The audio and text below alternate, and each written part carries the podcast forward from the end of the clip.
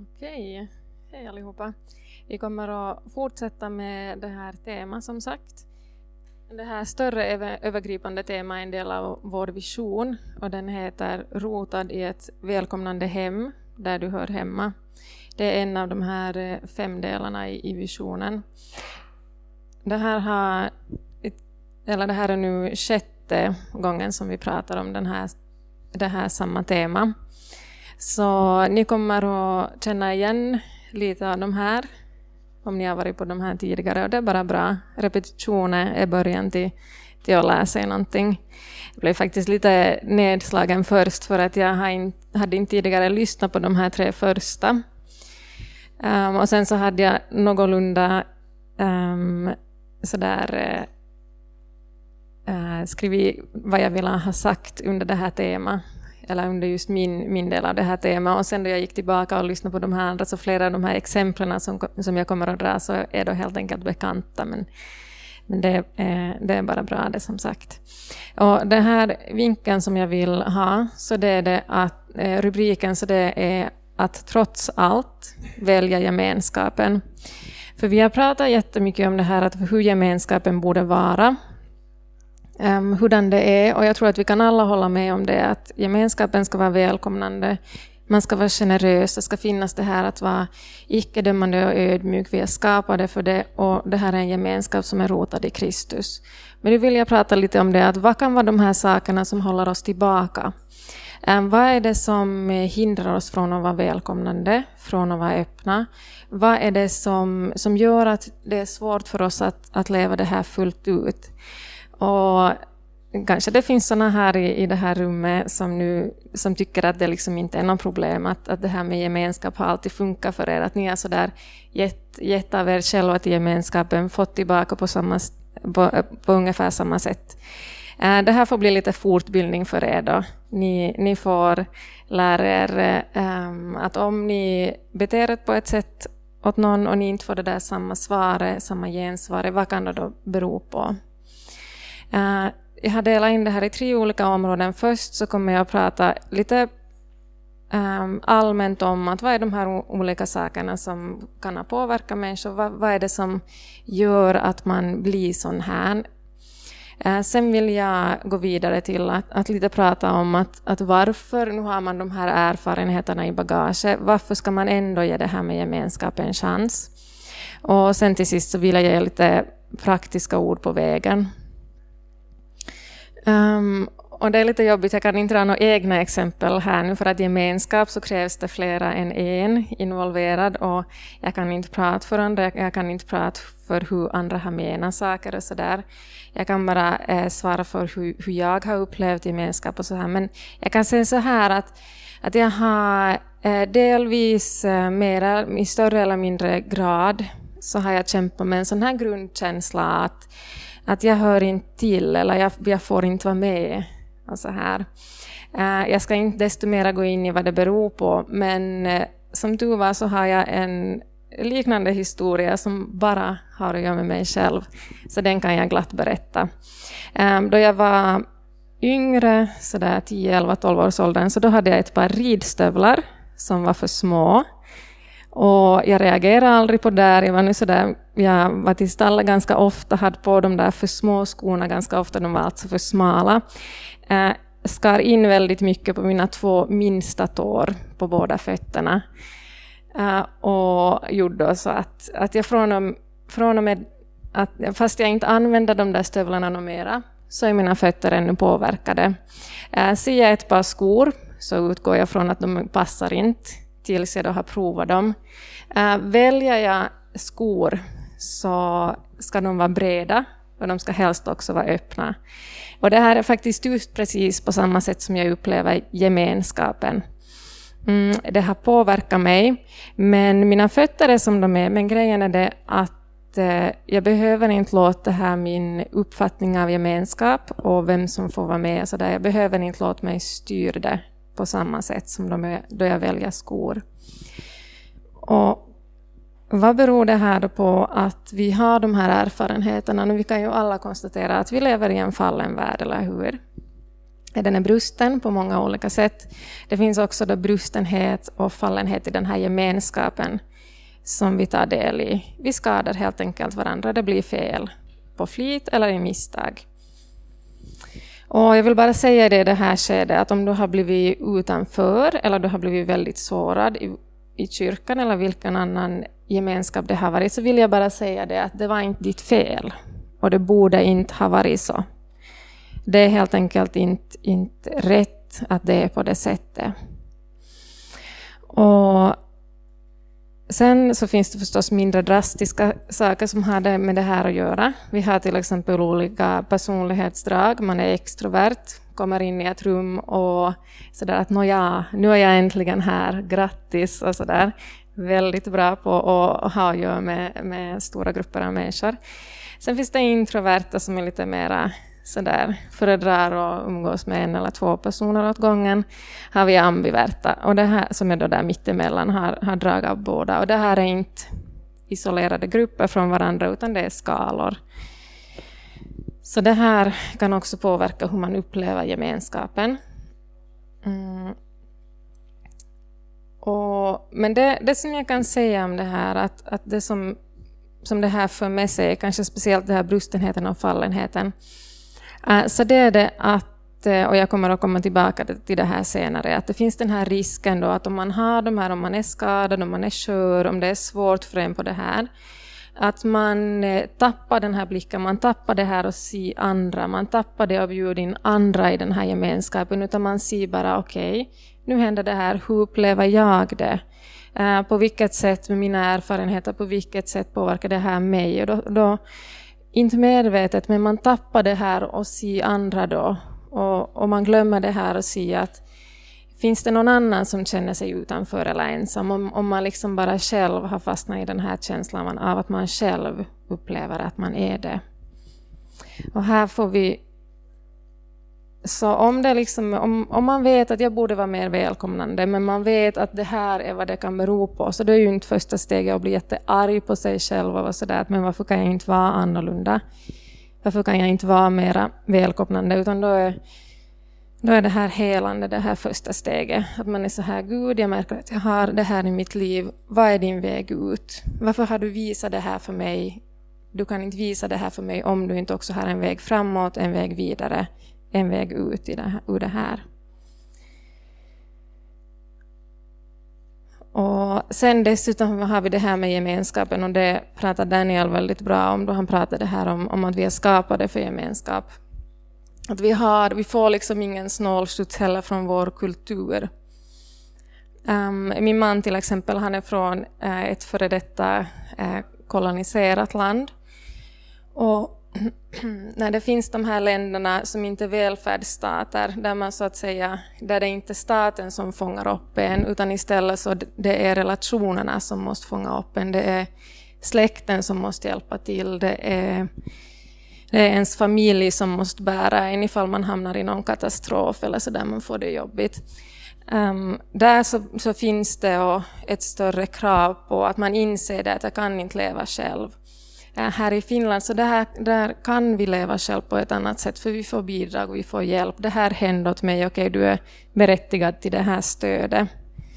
Att här är det, så att säga, här är det på det sättet det ses dessutom som något bra att vara självständig och vara duktig och klara sig själv. Och vi lär barnen det att yes, vad bra. Du lagar dig själv i ordning på skolan, till skolan på morgonen. Yes, hoppas det alltid blir så här. Alltså där att att vi sådär eh, har det som ett ideal. Och, och här, det här måste vi vara väldigt medvetna om, precis som Daniel sa. Och här måste man medvetet då välja något annat. Att det finns den här möjligheten till självständighet, jättebra. Men samtidigt så måste jag då eh, erkänna och vara medveten om att, att trots det så är vi skapade för gemenskap. Trots att man kan leva på det här sättet så behöver det inte vara det bästa sättet för mig. Det var lite inledning på att varför man trots allt behöver ge det här gemenskapen. Vad, vad är det som finns i gemenskapen? Vad kan man få där som man inte får eller sådär hitta på annat sätt i, i livet?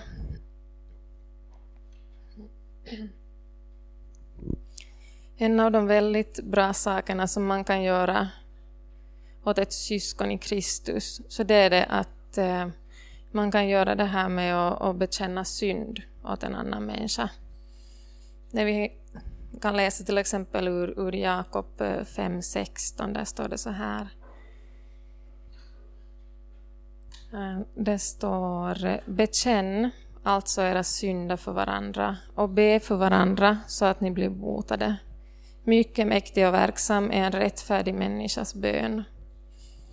Det finns den här möjligheten att eh, man får dela med sig av sitt inre åt en annan människa som man har förtroende för förstås. Att man eh, får ett bollplank för sitt liv, att man eh, kan välja någon, om man nu vill kalla det mentor eller på något annat sätt, att man får välja någon som får följa med en under en, en längre stund och som får tala in i ens liv. Och det här är väldigt konkret det här. Um, tidigare kan man ha saker i sitt liv man tänker att nej, det här tänker jag aldrig berätta för någon. Sen berättar man för någon och det finns den här friheten. Det finns det här att det känns konkret som att, att bördor lyfts från en. Så det här är väldigt viktigt att, att ha i sitt liv. När jag diskuterade med Stefan det här, det här temat så konstaterar han att, att han, det är så naturligt för honom i och med att, att eh, han har personer nära sig så han får göra det här åt. Men att om man inte har det mm, jag har själv bara haft en sån här person i mitt liv i, i ungefär ett, ett och ett halvt år. Och det, jag skulle säga att det gör väldigt stor skillnad. Det är att man har någon eh, som vet allt om en och ändå, ändå väljer att ha kontakt med en så att säga. Det är jättebra. Mm, och känns det jobbigt det här så välj, välj någon som ni vet att har ett lite jobbigare förflutet e, än er. Eller sådär om du kommer det här med nej men den här personen kommer att döma mig och så vidare. De, de tankarna börjar som lite, de har inte riktigt fått samma fäste då man är sådär att ja ja men att det här, det här är värre än, än det som jag har gjort eller sådär. Det som jag ska prata om. Um, så det är jätte, jätte, det finns en styrka i den här gemenskapen. Och också det som Stefan nämnde under sin första predikan, det här då de bara vardagligt skulle välsigna maten. Uh, han hade en, en bekant på besök, de vardagligt skulle, skulle välsigna maten uh, på morgonen. Och, och sen så hamnade de då i misstag, eller vad man nu ska säga, in, in i liksom värsta djupa bönemöte där. Bara för att det var två människor som kände varandra och sen man tillsammans eh, söker Gud så, så plötsligt var den heliga Ande där och talade in i deras liv. Det finns, det finns en styrka där i, i gemenskapen. Sen som jag redan nämnde och som Daniel predikade om, att det här att, att vi är helt enkelt skapade för gemenskapen. Det stod i Vasabladet som är min högsta auktoritet som österbottning, nå nej, men där så stod det så här i en, i en intervju att eh, vi har en gammal hjärna, det så att säga, hur den är strukturerad och så här, det har inte förändrats så mycket. Men den här nya moderna tiden som vi lever i, så den, den passar det inte riktigt för. Eh, att just de här, eh, det här att man kan leva så ensam idag eh, och samtidigt ha, genom sociala medier till exempel, kan ha insikt i så många människors liv och ta del av så många människors liv.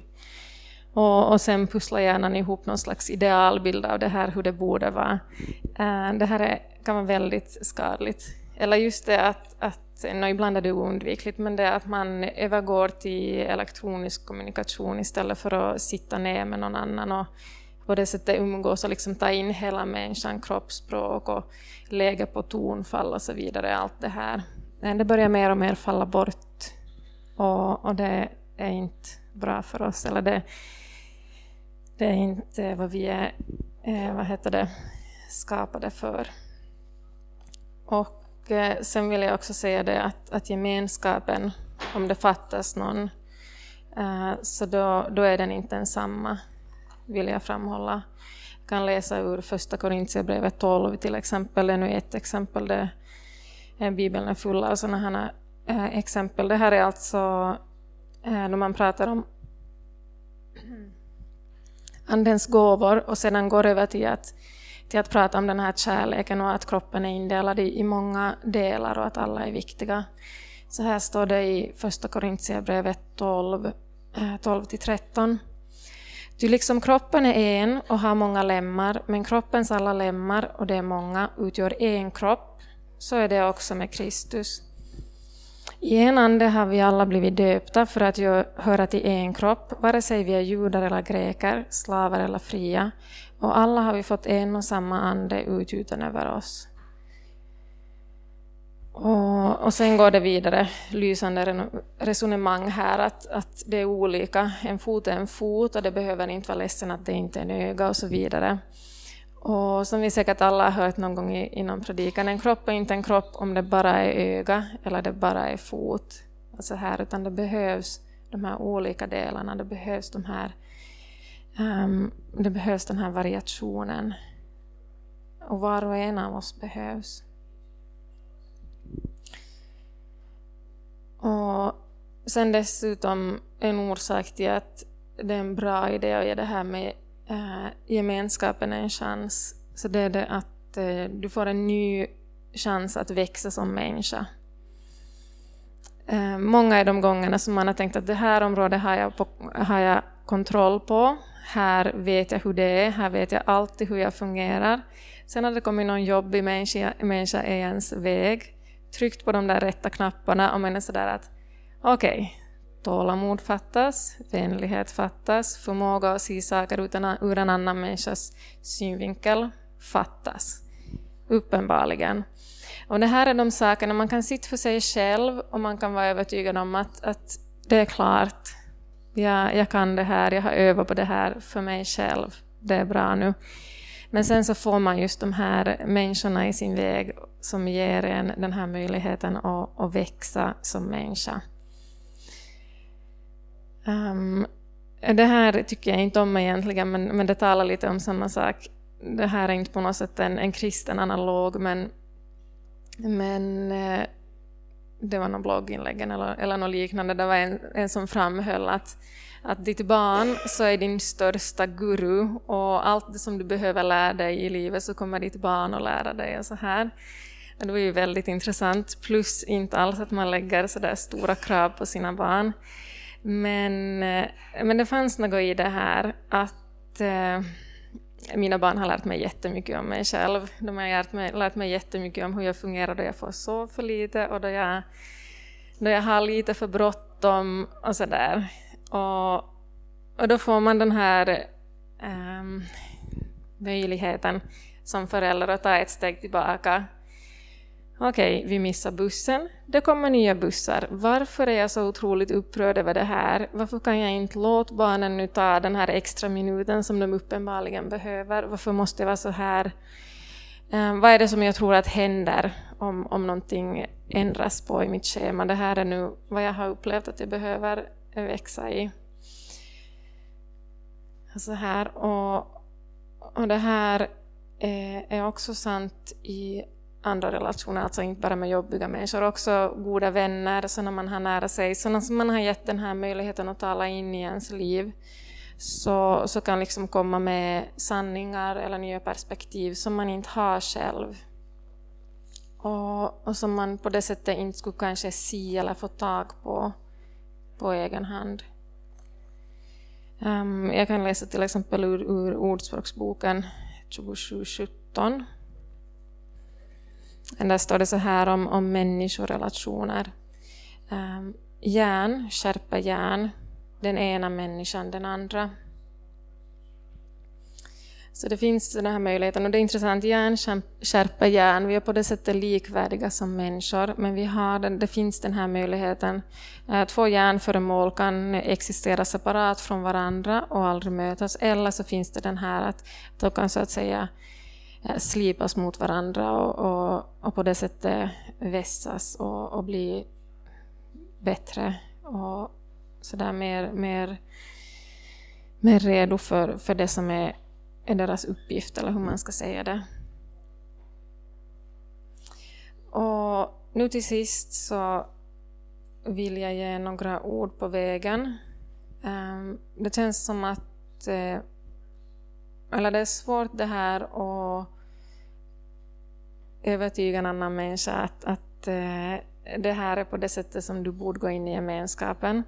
Eh, det är ju så att säga inte min plats, utan det, det är ens eget val att hur, hur långt in, hur mycket man vill söka gemenskapen och på vilket sätt och så vidare, att, att hur långt man är villig att gå. Men att här har jag då några eh, tips på vägen eller vad man kan tänka på. Och för det första så det här eh, överhängande, det här som eh, allting så att säga faller tillbaka på om man vill ha, om man nu kan kalla det bra gemenskap, så det är det att, att det handlar om äkthet och det handlar om öppenhet. Jag kan läsa ur första Petrusbrevet, kapitel 1 och verserna 67.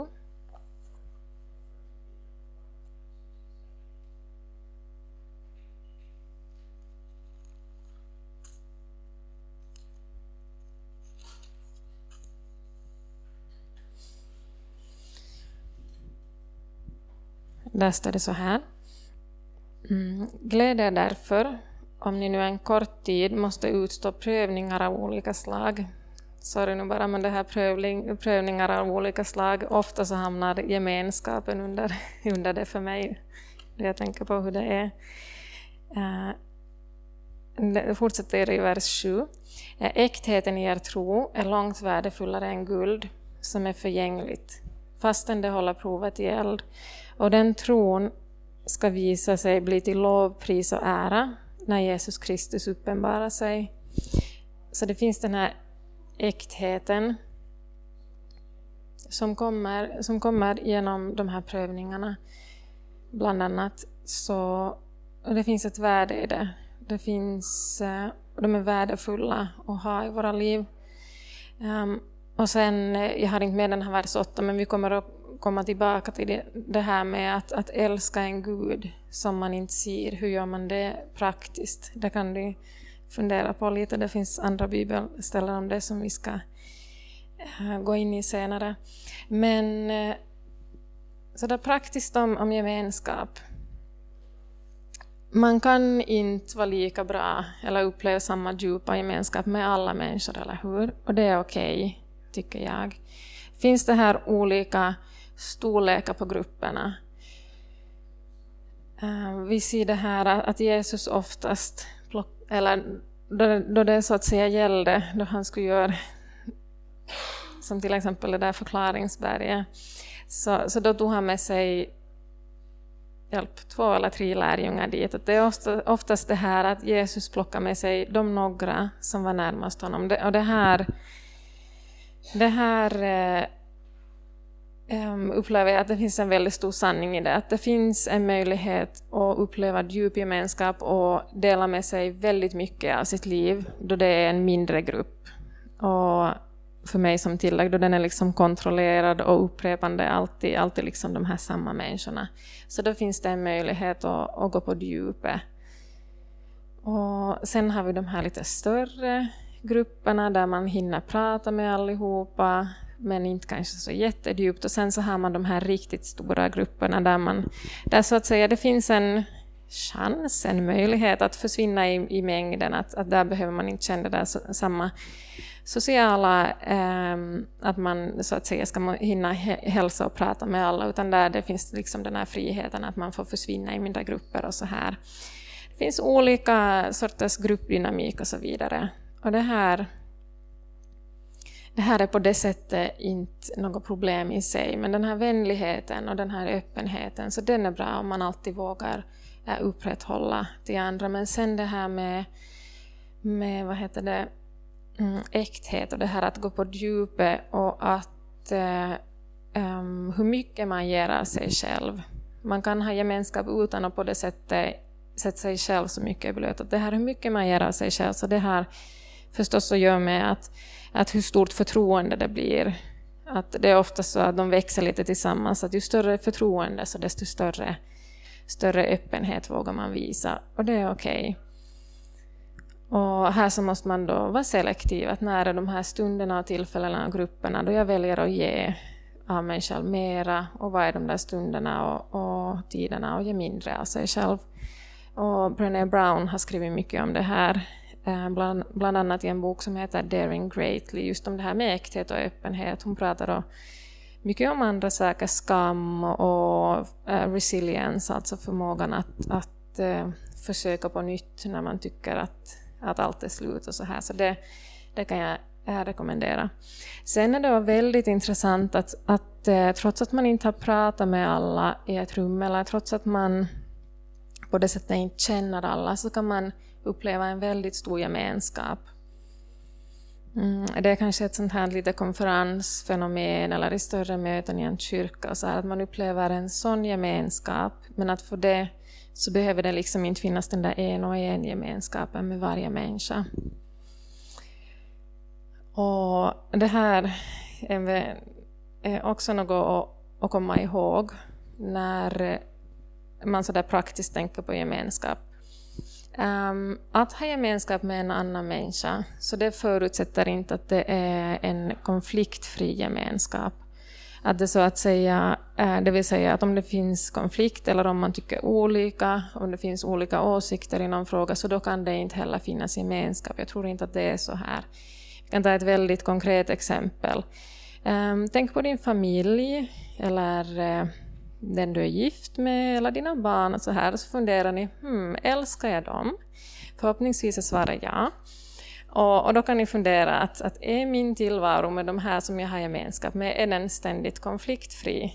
Grattis om den är det. Om den, eh, troligtvis är den inte, eller inte allt precis alltid det. Um, att eh, man på det sättet behöver inte få eller in, inte känna att oj nej, nu finns det inte någon möjlighet till gemenskap om man märker att man tycker olika. Att det, det finns ändå alltid det här valet, att, att trots det kan man välja gemenskapen.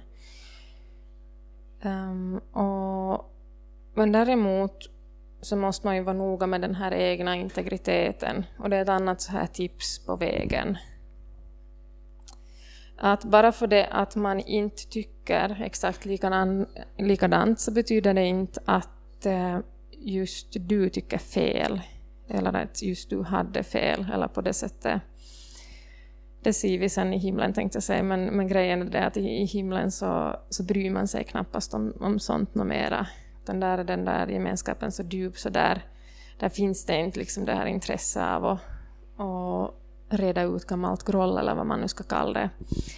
Um, och, men det är intressant det här hur vissa sammanhang förutsätter liksom ett eh, konsensus och hur det blir sen när man bryter mot det. Uh, och här är man olika noga med sin integritet. Eller så där, vissa är lite mer flexibla i, i sina åsikter och behöver inte hålla fram någon åsikt så, så starkt och vissa har så där lite mera ett behov av att alltid föra fram sin åsikt. Där är det nog vishet och att, att Gud visar åt en vilket område man behöver växa på. Eh, jag kan ta ett sådant exempel och det här är nu från studietiden från ja, personalfester som jag var på under, under studietiden och så här. Eh, jag har ju då Um, eller jag hade gjort det aktiva valet att jag dricker inte alkohol, aldrig någonsin. Och det är liksom ingen, eh, så att säga, det är inget som jag tänker aktivt på, utan det är lite så här att jag, jag börjar aldrig och jag är så där att varför skulle jag nu i min vuxna ålder måste börja det bara för att så att säga andra ska bli nöjda. Det här hade jag aldrig några problem med. Men att det var intressant så här hur svårt det här var för studiekamrater, arbetskamrater och så vidare. Att här ska vi ha den här gemenskapen och det förutsätter, liksom, där är liksom så att säga nykterhet inte välkommet. Um, och, och, jag vill bara rekommendera att om alkohol inte är ett problem för dig och du tror att du klarar de här situationerna, så varför inte liksom prova på dem? Att jag kunde ha djupa samtal med folk i onyktert tillstånd och sådär. Att, att och i och med att jag visste att, att det som, jag har andra problem i livet, men att alkohol är inte en av dem, att jag, jag på det sättet visste att, att jag så att säga inte kommer att vara, känna att nej, men nu vill jag kompromissa med, mina övertygelser och så här. Att det, var, det var på det sättet in, inte något problem i det här sammanhanget. Um, så jag vill bara rekommendera att, att varför inte gå med om, om det här inte, inte är ditt problem, men att om du upplever då att nej, det här är något som är helt förkastligt för dig, så såklart gör inte då. Men, eh, men det, det som är liksom den här, det, det, det, som är intressant så här i efterhand, så det är det att um, kanske mest det här om integriteten, att hur många var det som så att säga offrade sin integritet för att få vara en del av gänget? Hur många var det som eh, äh, blev någon annan eller så att säga äh, agera på ett sätt som man tyckte att, att var okej okay bara för att passa in i gruppen? Det här gör jag inom andra områden men in, inte, inte vad gäller alkohol och så här. Att, att vad, vad är liksom vad är det här priset som man betalar för gemenskapen ibland och är jag okej okay med det? Um, vad, hur mycket liksom är, jag, är jag beredd av att eh, ge av mina ideal, ge av mina övertygelser så här? Um, vill jag tumma på dem alls och, och var är det liksom inte så, så viktigt att, att föra fram dem så här? Att det här, det här eh, är svåra saker som, som så att säga var och en inför olika, olika sammanhang måste fundera på att var är mina gränser. Jag hade en diskussion med en vän till mig, vi är från samma område, och, och vi diskuterade just det här med församling, att, att hur väljer man en församling och så här. Vi hade inte så många val där, där vi, vi växte upp. Men, men jag, nu bor vi båda två i lite större städer, nu har vi flera val på det sättet. Och, och jag minns att det som jag sa åt henne så det var det att eh, det är jättebra om man kan välja hitta en sån kyrka där man märker att man själv som människa är välkommen. Eh, där man märker att eh, här får jag vara den som jag är. Här, här upplever jag inte här att eh, vi som går i den här kyrkan, så vi ska vara på det här sättet. Och, och då pratar jag inte om lära, och klart att varje kyrka måste ha sin egen lära, utan jag pratar mer om det här som inte är lika viktigt, att, att eh, finns det det här starka trycket av att här pratar vi på det här sättet, här eh, pratar vi om de här sakerna, här, eh, då man lovsjunger så då finns det de här några olika uttryckssätten men att de andra är inte välkomna och så här. Ehm, att, att där där får man lite själva se sådär att, att var upplever, upplever jag mig välkommen och var behöver jag så att säga inte ändra på mig själv. Och som sagt, vi har, vi har alla olika bakgrunder, så, så vad heter det, på det sättet så, så är det liksom svårt att, att hitta något som passar alla, eller något där alla så att säga um, upplever att, att det är precis som man är van vid. Men var finns det den där friheten, var finns det den där öppenheten från gemenskapen, att det inte är de här snäva ramarna, det är inte att antingen passar du in i den här lådan eller så gör du det inte. Utan var finns liksom den här flexibiliteten i gemenskapen? Kanske på grund av hur det har varit för mig tidigare så är det här jätteviktigt för mig. Eh, och sen en annan jätteviktig sak vad gäller gemenskapen så det är det att när du värderar en annan människa, när du ser när man dömer en annan, annan människa, eller så där, alltså när man drar slutsatser om en, en, annan människa på basis av det som man ser av den, så då är det jätteviktigt att man försöker att inte påverkas så mycket eh, av sin kultur. Att man inte låter... Vi har pratat om det här tidigare, det, det tog som exempel att, att Eh, men vad är det för bra med det att eh, om du, om du gör gott mot den som du väntar att, att ska göra gott åt dig, att det är inte bättre att du gör gott åt någon som kanske aldrig kommer att, så att säga, ge tillbaka den där tjänsten. Eh, Jakobs brev kapitel 2, verserna 8 och 9. Och det här är jätte ledsamt att jag nu bara tar de här verserna, ni får jättegärna läsa de här eh, från vers 1 och framåt också, men, men här står det så här. Um, om ni uppfyller den konungsliga... Där står det så här att om ni uppfyller den konungsliga lagen enligt skriften, du ska älska din nästa som dig själv, då handlar ni rätt. Men om ni gör skillnad på människor begår ni synd, och lagen överbevisar er, om att ni är överträdare. Och här handlar det ju inte om att alla ska vara mina vänner på samma sätt, jag ska ha likadan gemenskap med alla människor. Det är inte det som det handlar om här.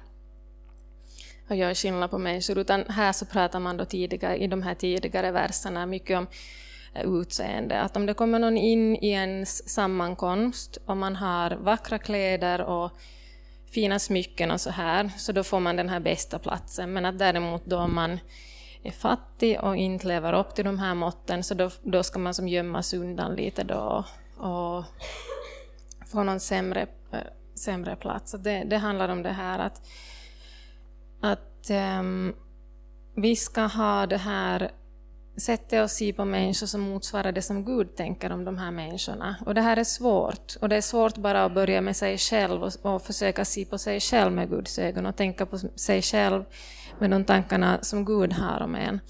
Men det är ändå väldigt, väldigt viktigt det här.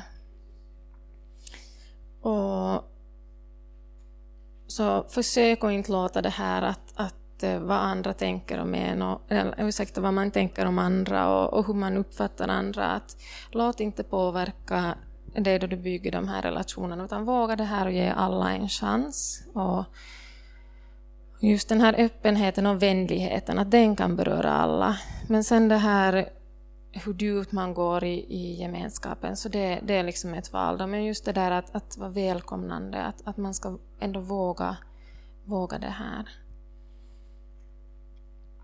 Det här pratade, jag tror det var Stefan som pratade om det, just det här den här blinda mannen som blev helad. Jesus bad för honom och han helades. Först bad, bad han för honom och han började se liksom konturer av människan och han sa det här att jag ser människor men de är som träd. Så bad eh, Jesus en gång till för den här mannen och då såg han klart, då såg han människorna som människorna. Um, och det här känner jag mig jättemycket igen på, att, att det här att man ser andra människor men att eh, man har inte det här modet eller man har som inte här, jag vet inte, intresse eller det här att man som vågar ta det där extra, extra steget och se på, på andra människor som de, de är, utan, utan det blir lite sådär att jag, jag ser konturerna av er, jag ser, jag ser eh, sådär, jag ser att ni är här, men jag ser inte så mycket mer. Att, att här, här så, så ser vi då att, att eh, Jesus var inte sådär att, nej men ser du dem bara som träd? Nej men det var ju synd för dig, eller sådär. Utan där ser vi att han lägger händerna på honom en gång till, ber en gång till, tills han då, tills då den här blinda mannen ser människor som människor. Eh, jag tror att det här kan eh, Gud jobba med våra hjärtan också, att vi han får ändra våra hjärtan och, och hjälpa oss att just se andra som, som de som de är och inte bara de här konturerna.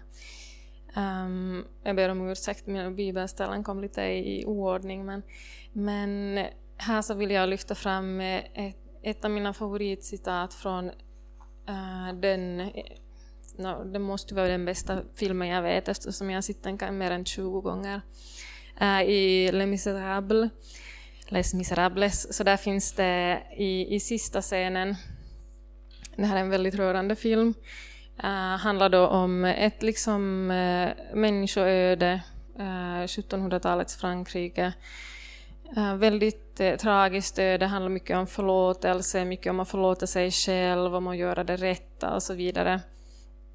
Um, sen i, i slutet av den här filmen då så så kommer liksom den här kärnfrasen och, och det är det här att, um, att älska en annan människa, så det är det att se Guds ansikte. Och jag tror att det finns en djup sanning i det här och jag tror att det är därför som vi behöver uh, se den här um, därför vi behöver ge gemenskapen en chans, för att det finns möjligheter där som vi inte har i de här um, då vi isolerar oss och bara är för oss själva. Och jag tror också att det här är, är väldigt bibliskt och, och vi ska läsa ur uh, första Johannesbrevet um, kapitel 4 och vers 21.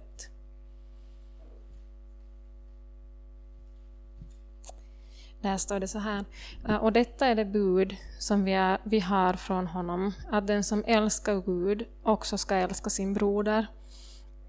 Eh, och här i vers 20, här vers innan, så där handlar det om det här att, att eh, om man inte älskar sin bror som man kan se, så, så varför så hur ska man då kunna älska Gud som man inte kan se? Mm, att det finns, det finns någonting i det här att lära sig att älska en annan människa um, kravlöst och, och släpp det här och tänk att man ska alltid få någonting tillbaka. Och, utan bara för sin egen skull. Man älskar för att Gud förvandlar en och, och, och hjälper en och, och förändrar en.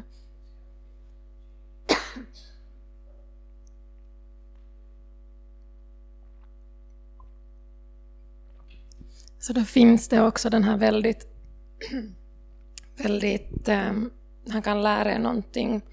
Um, han kan ge en bit av, av himmelen, han kan ge någonting himmelskt åt en annan människa och samtidigt visa det åt en själv.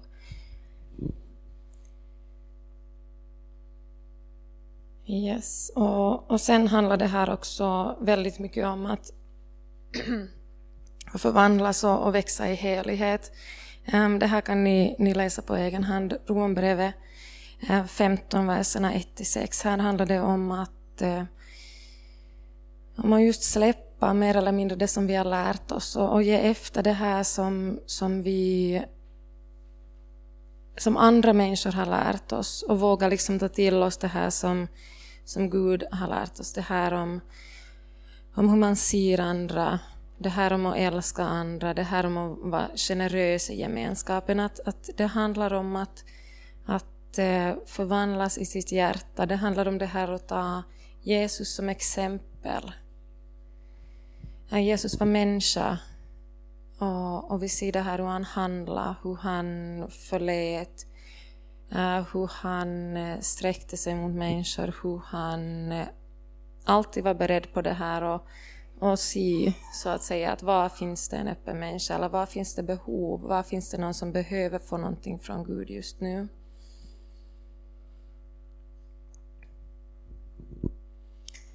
Och Sen kommer också det här med att för vår egen skull så behöver vi den här gemenskapen. Att det handlar inte bara om det vi, vi kan ge åt andra, det handlar också om det att, att vi behöver ta emot och vi behöver ganska ofta ta emot någonting genom gemenskapen.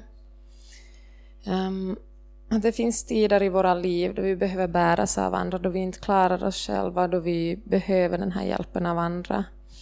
Eh, vi ser till exempel i, i Markus 14, jag ska inte läsa det, men, men det är just från Getsemane, där Jesus, som är fullt ut människa, fullt ut Gud, ehm, vet vad han, han, har framför sig, vet att han kommer att, eh, ehm, vad som kommer att möta honom, vet också att han kommer att uppstå efteråt.